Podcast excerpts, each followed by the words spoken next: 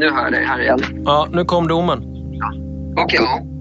Malmö tingsrätt meddelar till slut domen i fallet med Julia. Eh, ska du läsa upp den eller? Det kan jag göra. Ska vi se. Det innebär att Julias familj nu fått svar från rätten om vad man juridiskt anser har hänt Julia. Vad fan? Alltså, jag vet inte. Vi har också, precis i slutet av arbetet med den här säsongen, kunnat göra en intervju som krävt stort mod och mycket energi av personen som ställt upp. Helt plötsligt bara så sprutar han tårgas i mina ögon medan vi sitter och pratar i soffan. Linda träffade mannen vi kallar Stefan redan 2004. Det mötet visade sig bli ödesdigert. När jag är där inlåst och känslan att inte veta om du ska leva eller dö. Och, alltså det finns nog ingen värre känsla. Att verkligen inte veta. Det här är Spår, säsong 10. Vad har hänt Julia?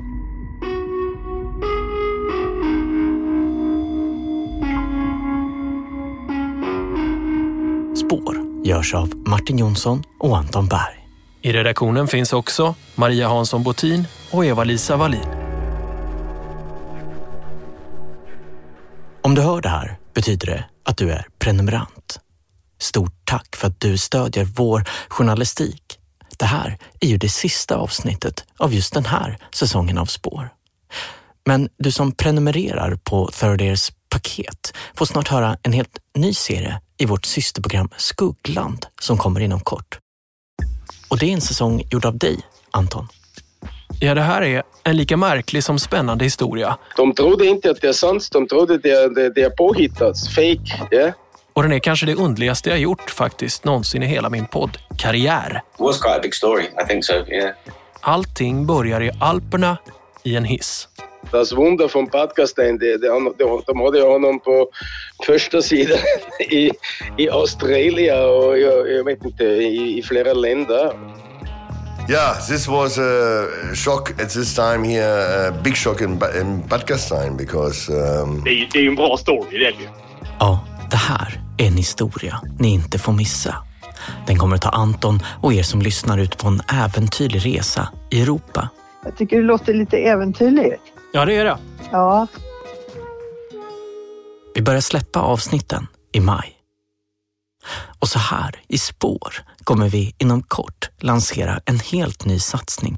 Vi kallar den för Quickfiles och den handlar om seriemördaren Thomas Quick som visar sig vara oskyldig till alla mord han erkänt och dömts för. Många menar att detta är Sveriges största rättsskandal och i år är det tio år sedan Sture Bergvall, som han numera heter, frikändes för det sista av morden han dömts för. Spår undersöker vilka lärdomar och spår detta har satt i det svenska rättssystemet. Men nu, hög tid för sjätte och sista avsnittet av Spårs tionde säsong. Avsnittet heter Vad som hände Julia. Jag och Julias bror Jonas Gratzer sitter på en parkbänk i Stockholm. Hans barn kör trampbil runt lekplatsen bredvid oss. Det är 11 april 2023 och någonstans i närheten slår en kyrkklocka 11 slag. En klocka som slår 11, eller hur? Kyrkklocka. Ja, Jag kollar mejlen. ja, väldigt talande. Vi uppdaterar våra mejlkorgar i mobilerna. Nu ska domen komma. Ännu inget. Men den dröjer tydligen. Nej. För Jonas så har de två veckorna som förflutit sedan rättegången i Malmö tingsrätt varit en bra tid. Det måste ha varit väldigt skönt. Eh, det är ju någonting som har släppt efter att eh, ha sett X. Nu är allting avklarat och det, vi har ingen kontroll över det som sker nu längre. Och, så allt är släppt och det som blir, det blir ju. Det är ju nästan två år, inte riktigt men ett och ett halvt år av, av liksom tyngd och börda som har släppt från axlarna. Hur var det att fira påsk utan Julia? Nej, det är klart, det är, man tänker ju alltid på att det, det är någonting som saknas. Och hon är ju inte med oss längre och kommer ju inte fira påsk med oss någon mer. Utan eh, det är klart, det är ju tomt. Och man hade gärna velat haft henne där. Det är, det är ju någonting som saknas, så är det. Fem över elva. Vi kollar efter mejl från Malmö tingsrätt. Fortfarande inget. Ändå lite konstigt. De brukar vara... Punktliga? Ja, nu har jag inte gjort... Jag har inte suttit så här och Nej.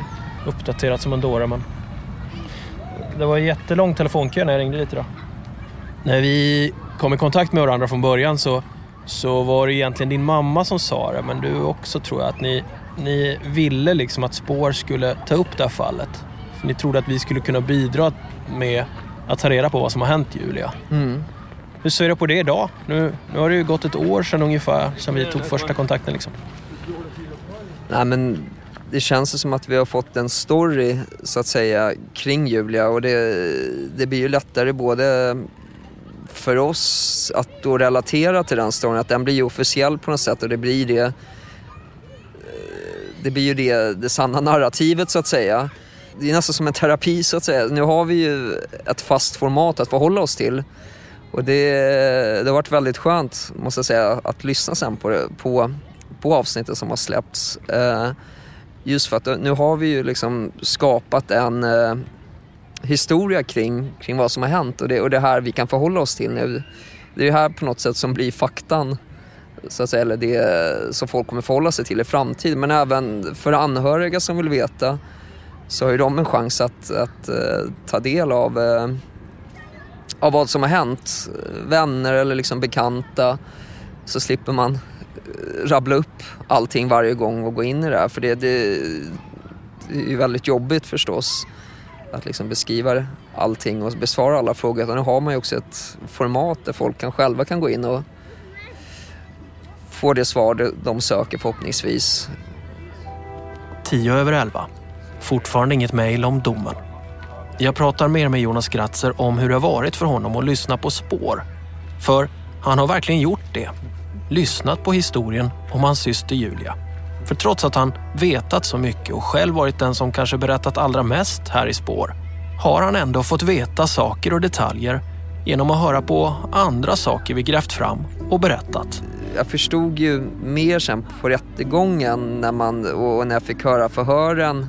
Då faller ju alla bitarna på plats så att säga. Jag menar, det som framkommer i poddavsnittet, är det nummer tre eller nummer två? Där X hörs. Eh, där, där erkänner han ju brottet och eh, så jag menar, eh, så det är ju ett erkännande. Sen om, om rätten dömer honom eller ej, det återstår att se. Men jag menar, ni har ju ändå bevisat att, att eh, via att spela upp de förhören och, och lyssnat igenom dem och, och tagit de bitarna och, där han faktiskt erkänner gång på gång att han har gjort brottet så har ni ju bevisat att han visste ju precis vad som skedde. Och, Oj. Nu då? Ja, ska vi se. Det, ja, det är min fru. Falskt alarm. Jag ringer henne senare. Men till slut, 20 över 11, Här. Uh, nu verkar det vara som att det... kommer ett sms från målsägande beträdet Lotta Virén. Misstänkt har känt till mordplaner mot kvinna. Nu fick jag besked. Uh, besked att domen är framflyttad till torsdag på grund av hög arbetsbelastning på torsdag klockan 11. Ja. Ja, vilket antiklimax. Ja, nej men det är som vanligt då med Malmö. Det är hög, hög belastning där verkar det som. Det tar tid.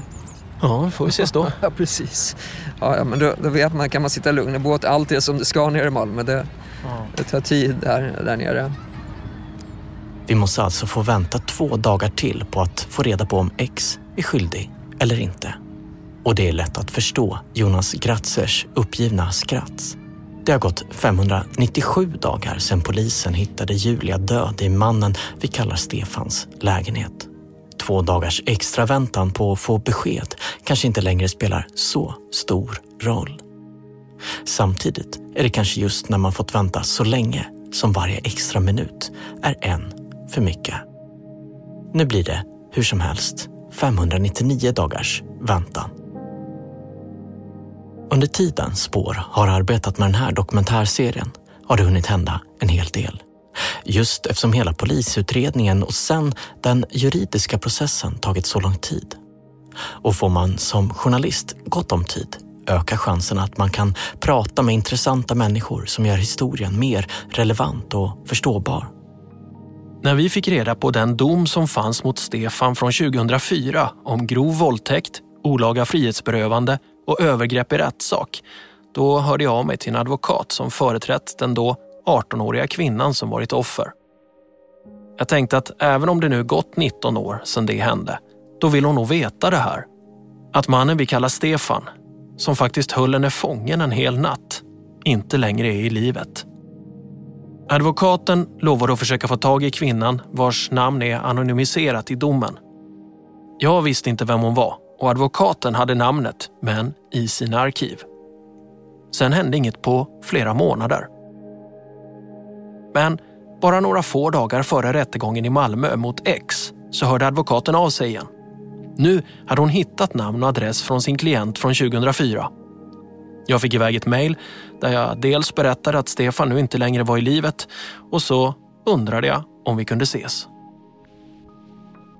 Eh, ja, det kom ju som en chock. Jag fick ett brev av min advokat där det stod att han inte fanns i livet och eh, att du då ville ha kontakt med mig av en annan anledning. Um, och ja, när jag fick reda på vad som hade hänt så det vände sig i magen. Ja, det kändes overkligt.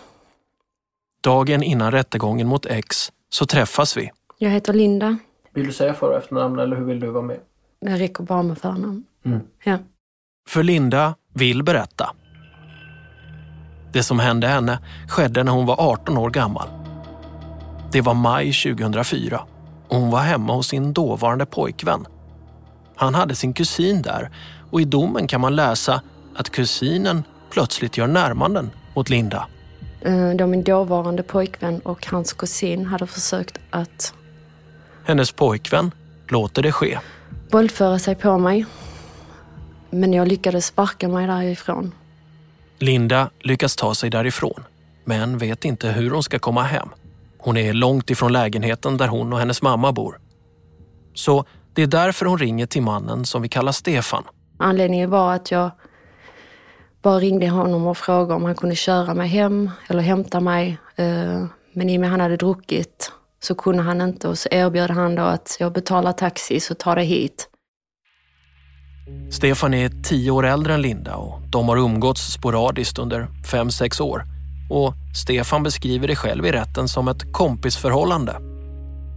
Vad hade du liksom för uppfattning om honom innan då, när ni umgicks i grupp och sådär?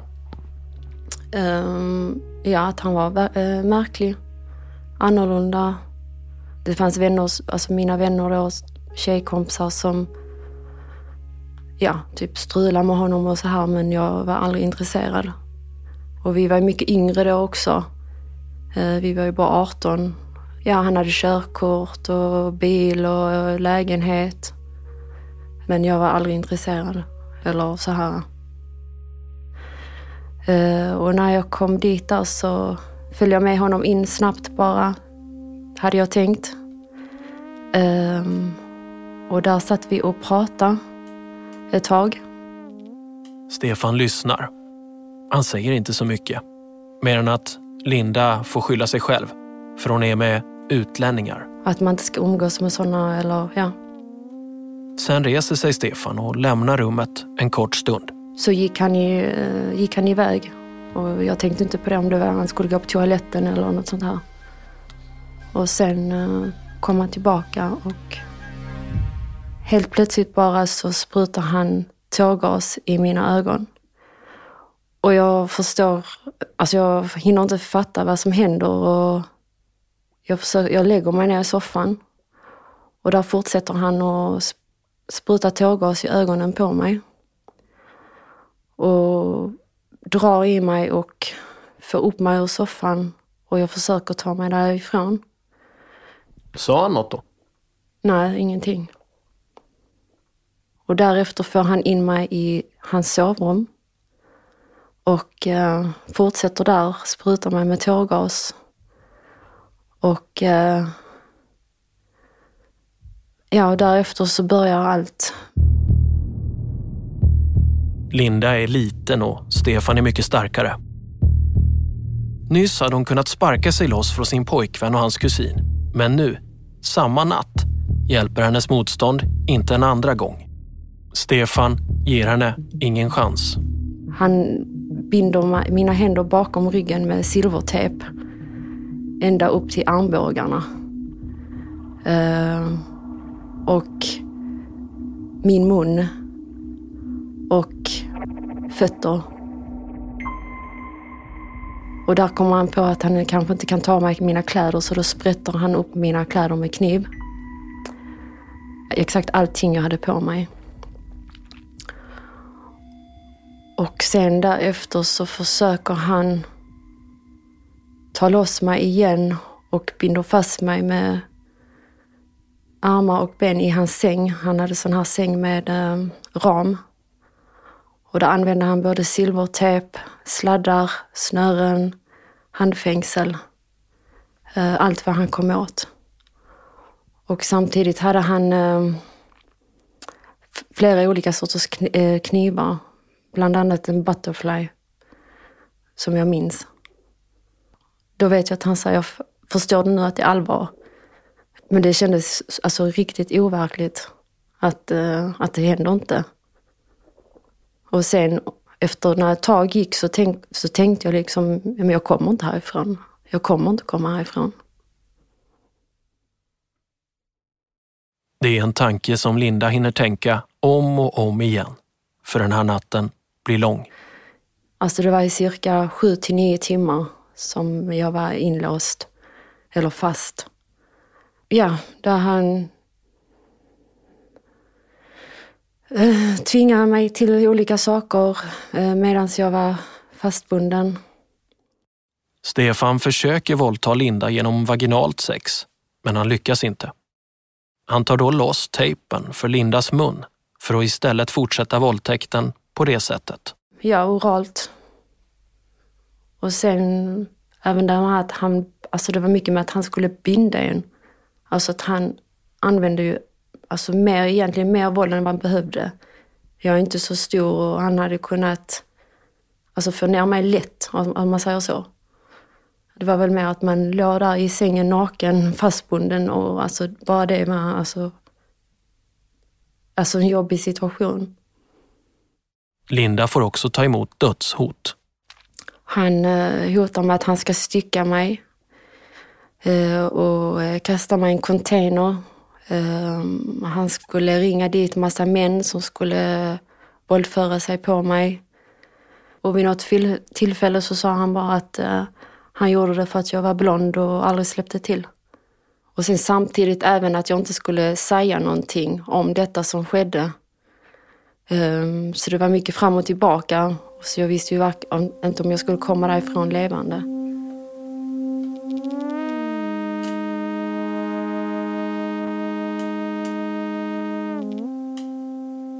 Och vid något tillfälle så låg jag på mage och han hade någon kniv i handen och jag vet inte riktigt vad han skulle göra men på något sätt så hugger han sig själv i benet i eh, pulsådern.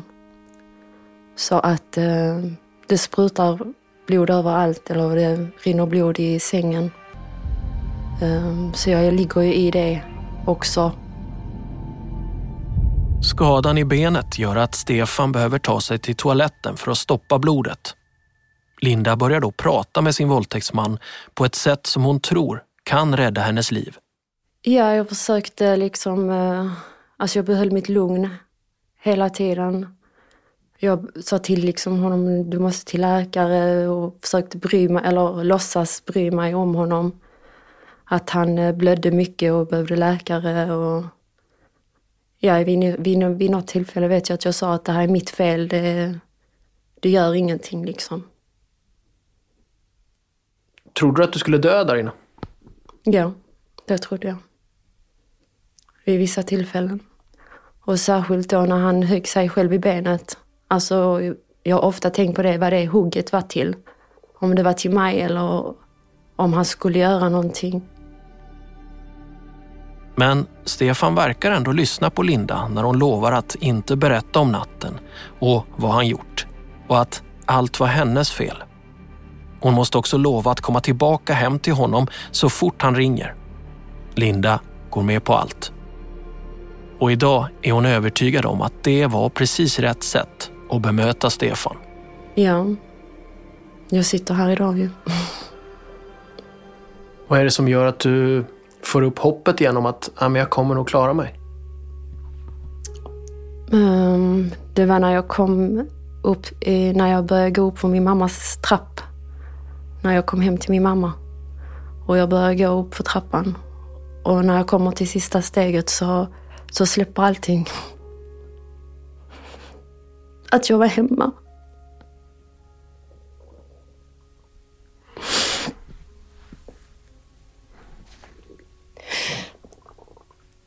Kan ta en paus om du vill. Alltså jag har inte gråtit på, på detta på jättelänge. Nej, jag, s- nu ska vi se.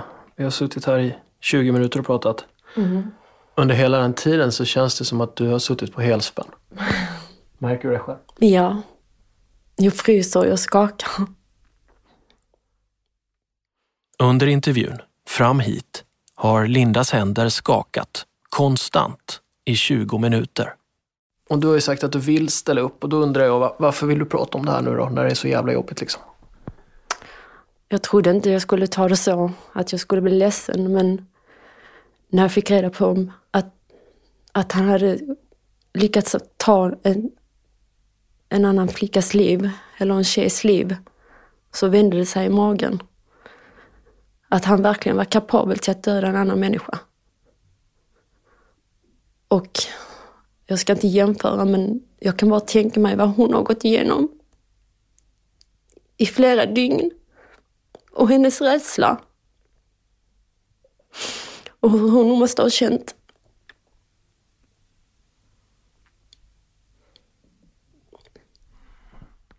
Det finns ytterligare en särskild anledning till att Linda vill bli intervjuad. Det handlar om ett fel i rättssystemet, som hon ser. Alltså hur man kan få en vapenlicens när du är dömd att ha gjort en annan människa något ont. Och jag menar, alltså man vet ju inte, han hade kunnat skaffa det för att hämnas på mig eller...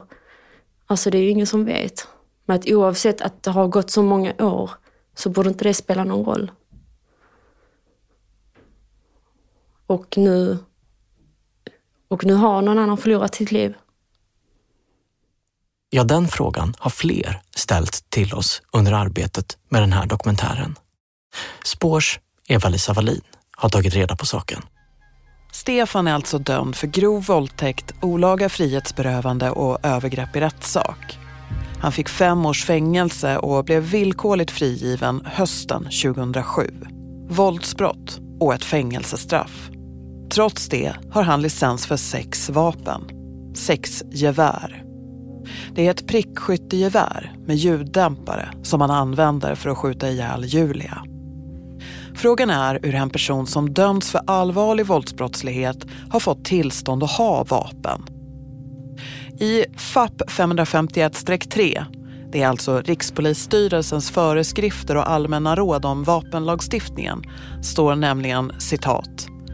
En förutsättning för tillstånd till innehav av vapen bör vara att sökanden gjort sig känd som pålitlig, omdömesgill och laglydig. Brister han eller hon i något av dessa avseenden bör tillstånd inte meddelas.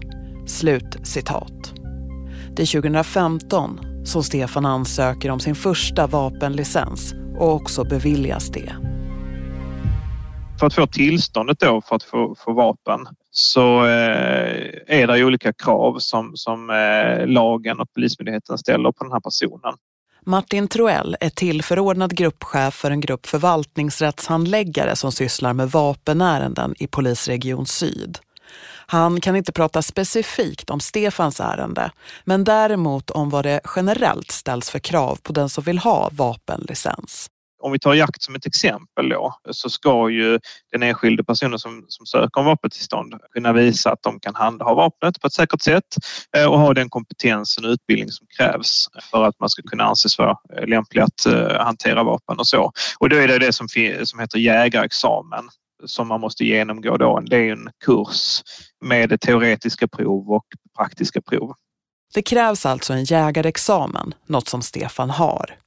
Det ställs inga krav på att exempelvis äga egen jaktmark. Sen så kikar ju Polismyndigheten på en del andra grejer också. Till exempel den allmänna lämpligheten. Alltså man gör en allmän lämplighetsprövning där man kikar på till exempel brotts och misstankeregistret eh, och kikar eh, ja, i tidigare ärenden och så för att se om det är någonting som den här personen eh, just den här personen anses olämplig att inneha skjutvapen så att säga.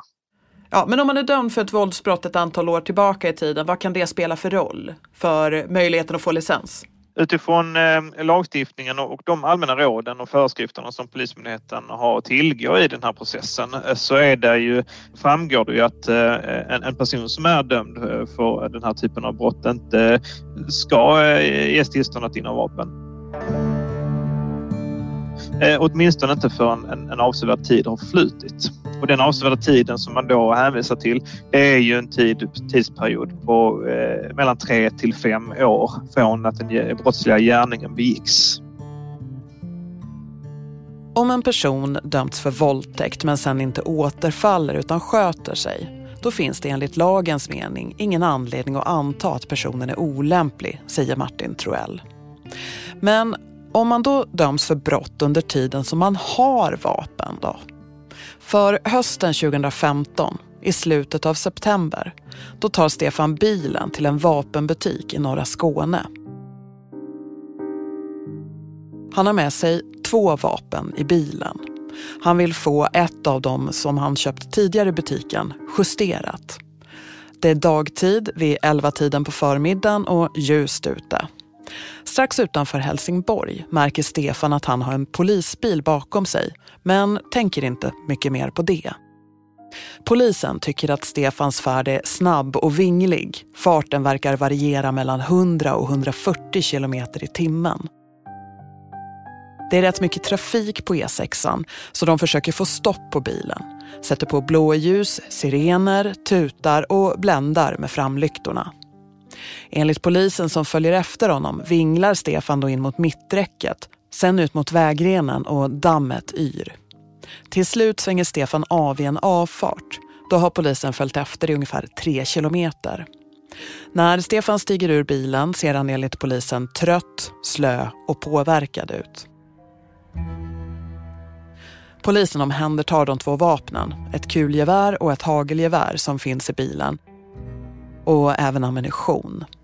Han tas till sjukhus för provtagning och blir även fråntagen körkort, vapenlicens och vapen i väntan på provsvar. Några veckor tidigare har han stoppats på ett liknande sätt. Då blåste han negativt och fick fortsätta köra. Men den här gången gör polisen en anmälan om vårdslöshet i trafik Utöver då misstanken om att han kört alkohol eller drogpåverkad.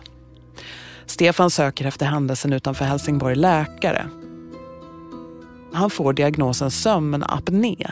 Det innebär att man får korta andningsuppehåll när man sover och kan göra att man är trött. Och därmed finns det risk för att det påverkar bilkörningen. I september 2016 då döms Stefan för vårdslöshet i trafik. Martin Troell igen. Där är ju uppradet i, i vapenlagen och de allmänna råden ett antal olika eh, typer av brott som, som anses vara, man kan kalla det diskvalificerande. Eh, och då är det så att Polismyndigheten inleder ju eh, eh, ett omprövningsärende. Men vårdslöshet i trafik är inte ett sådant brott som automatiskt diskvalificerar en, som gör att man blir av med licensen? Det beror väldigt på från fall till fall. Det är ju, där får man titta på helheten och omständigheterna i, i, i det specifika ärendet. Men det är inget sånt eh, ärende som automatiskt innebär att, att eh, tillstånden återkallas utan det beror på omständigheterna i det särskilda ärendet. Vapnen som polisen tog ifrån Stefan när han stoppades på E6 får han tillbaka. Han får också ytterligare tillstånd att ha fler vapen. Så i augusti 2021, när Julia blir dödad, då har Stefan sex gevär hemma. Finns det någon gräns för hur många vapen man får ha? Ja och nej. Ehm, om vi tittar till exempel på jaktvapen så är det ju eh, en jägare då som har jägarexamen eh, kan ju anses ha behov av eh, mellan en till fyra vapen i sin jaktgarderob. Sen så är ju jaktgarderoben större än så. Det, det, det, heter, det kallas jaktgarderob, eh, antalet vapen som man har då. Eh, och, och, det är ju upp till fem eller sex vapen då. Men då att det femte och det sjätte vapnet eh, krävs ju lite mer att, att, att sökanden visar ett behov av, av ytterligare vapen.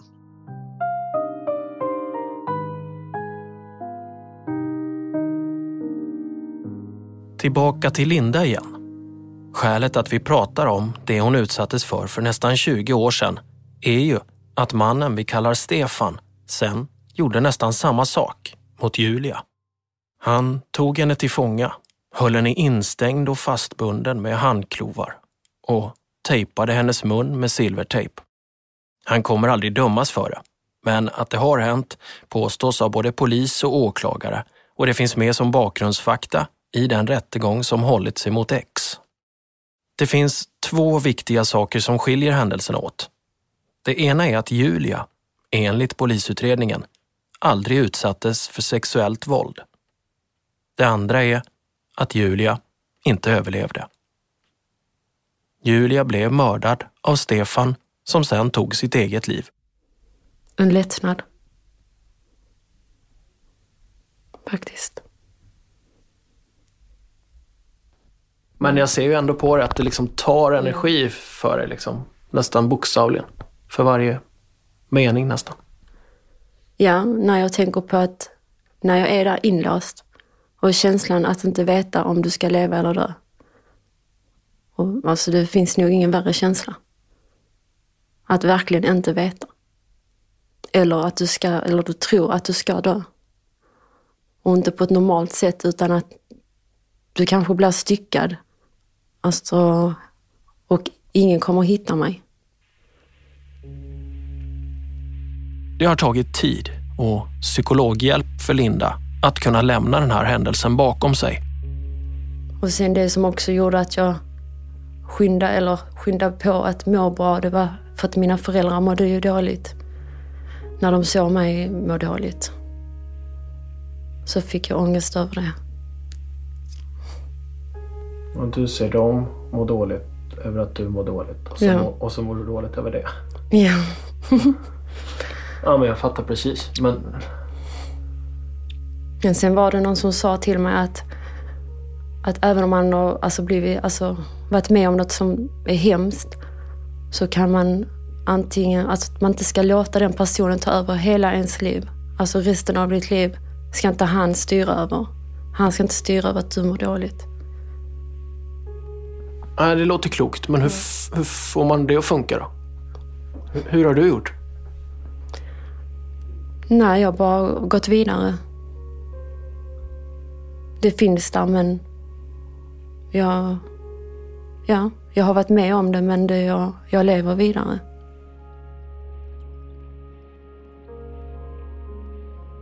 Torsdag den 13 april 2023 kommer till slut domen från Malmö tingsrätt. Det var inte en sekvens på min headphones här, ska se. Den som handlar om X och huruvida han är skyldig till underlåtenhet att avslöja mord och människorov. Nu hör jag dig här igen. Ja, nu kom domen. Ja. Okej. Okay. Uh, ska du läsa upp den eller? Ja, det kan jag göra. Ska vi se. Brott som X döms för. Underlåtenhet att avslöja människorov. Ja. Och inte mord då? Åtal som har frikänts från underlåtenhet att avslöja mord. Mm. Fängelse åtta månader. Okej, okay, ja. X döms alltså för att inte ha berättat om människorovet. Det mm. anses vara bevisat att det pågick och att han visste om det mm. och att han hade kunnat berätta om det. Däremot döms mm. han inte för att berätta om mordet för mm. vid det här tillfället då så kan man inte bevisa att han visste faktiskt att det här skulle sluta med ett mord. Hur känns det nu då när det har landat lite i dig? Vad, vad tänker du om den här domen? Det är väl jävligt skönt att, att allt det här också att det fått ett slut och att, eh, och att X nu får en konsekvens av sitt handlande och, och, och att de även sänder ut signaler. Att, att, att, att vi som samhälle inte accepterar det här beteendet. Och, nej, men jag menar, det, det, rättvisan har ju sin gång och det är så det måste vara. Man måste förhålla sig till de principerna och det är klart att som anhörig så, så, liksom, så kan man ju aldrig få tillbaka sin pers den personen man har mist. Eller liksom det, bli av med det traumat som kanske någon har utsatts för. Men, men, men det är ju det här vi har att förhålla oss till och jag känner väl ändå att eh, det är bättre än ingenting. Vad är, vad är viktigast här? Att han döms eller vilket straff han får? Att han döms, det är det som är viktigt. Det är han ju skyldig liksom.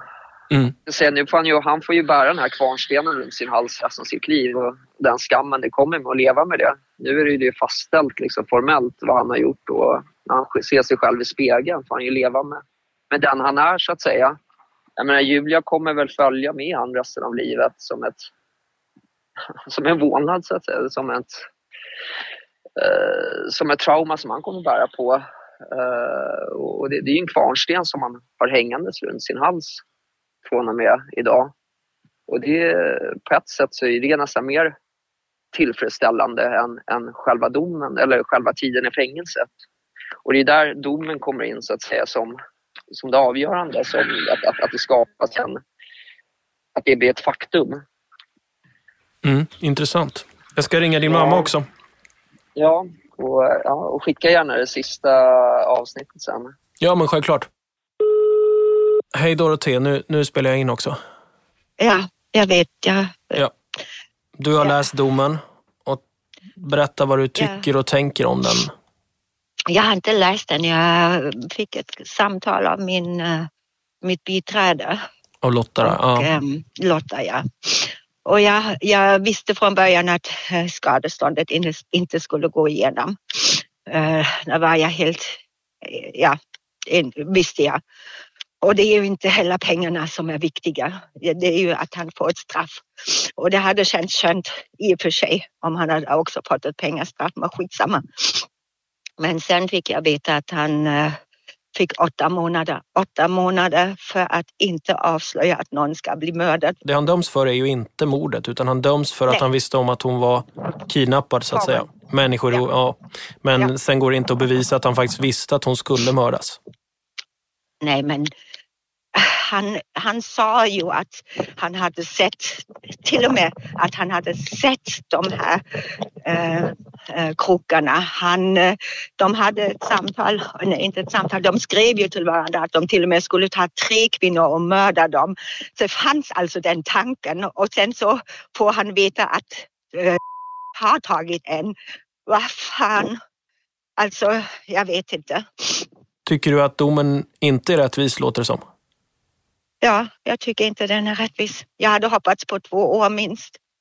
Det är ju det minsta han, ja, det mesta han kan, hade kunnat få.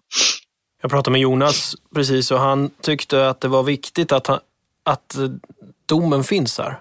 Att, att han faktiskt är dömd för det här brottet. Ja. Oavsett om, sen hade han väl också hoppats på liksom ett större straff och kanske båda brotten. Men huvudsaken tyckte Jonas ändå var att rätten dömer.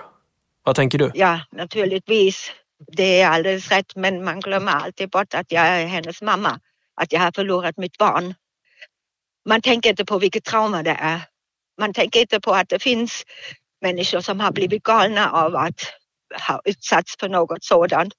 Så att eh, jag vet inte. Jag vet inte om man någonsin överhuvudtaget har funderat på eller skrivit någonting om hur det är för dem som ja, vad heter som drabbas.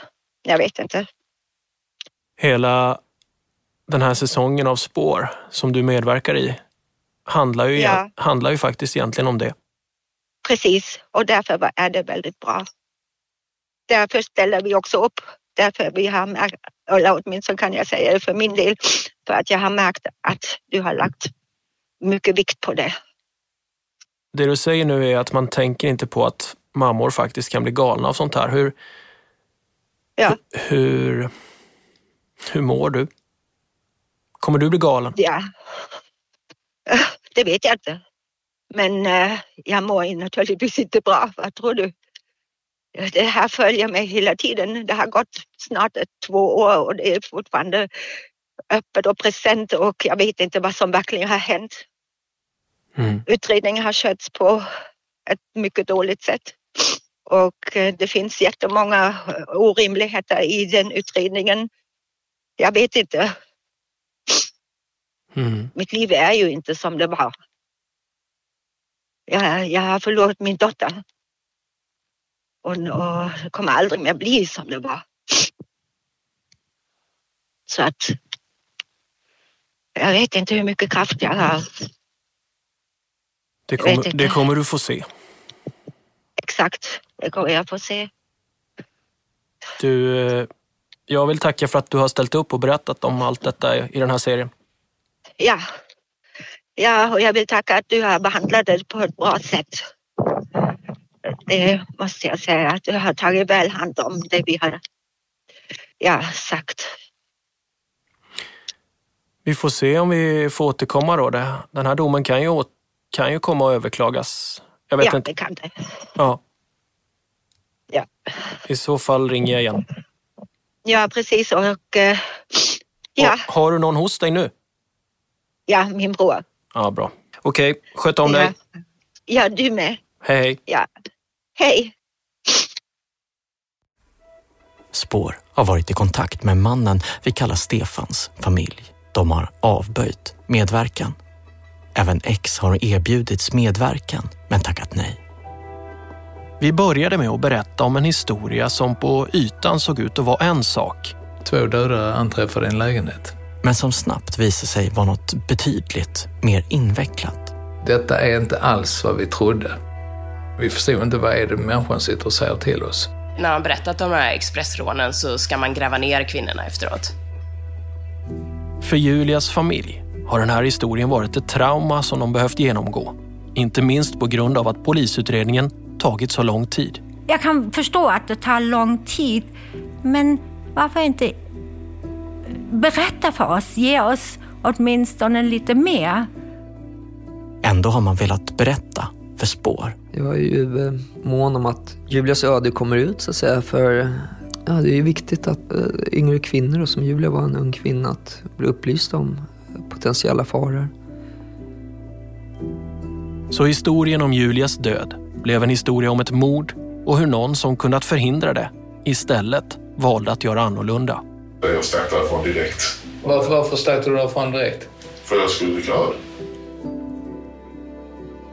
När Linda sen valde att berätta om hur hon träffade mannen vi kallar Stefan 17 år före Julias död fick vi en historia om våld och kidnappning som upprepade sig. Vad har det här gjort med ditt sätt att se på killar, liksom män? Ja, alltså i början så, så kunde jag inte lita på någon. Uh, och jag var rädd att bara sitta och prata med någon så här som du och jag gör nu i en soffa. För att jag visste inte om någon skulle bara hoppa på mig eller... Och då gäller det även alltså, tjejer.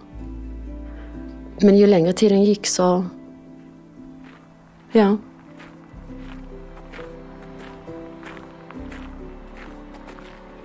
Men framför allt är det här en historia om Julia och vad som hände henne. På en gravsten i Skogskyrkogården i Stockholm står hennes namn. Datumet för dödsdag saknas fortfarande. Julia hette Augustin i efternamn. Hon var dotter till Dorothée och Anders. Syster till Jonas och faster till hans två barn. Julia blev 33 år.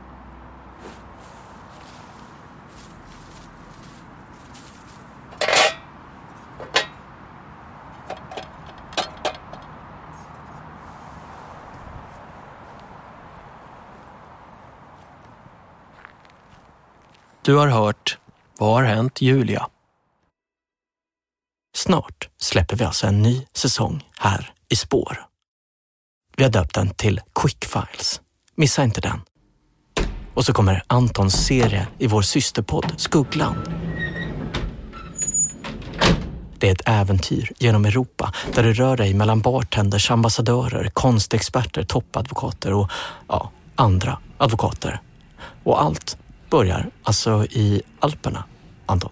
Ja, i en hiss. Missa inte.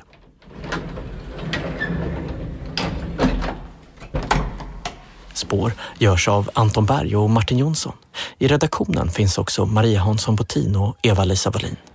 Ljudtekniker är Gustav Sondén. Ansvarig utgivare är jag, Martin Jonsson. Spår är ett samarbete mellan A1 Produktion, Third Ear Studio och Acast. Och har ni tips på en ny säsong som ni tycker att vi ska granska, tveka inte att höra av er till oss på sociala medier. Tack för att du lyssnat.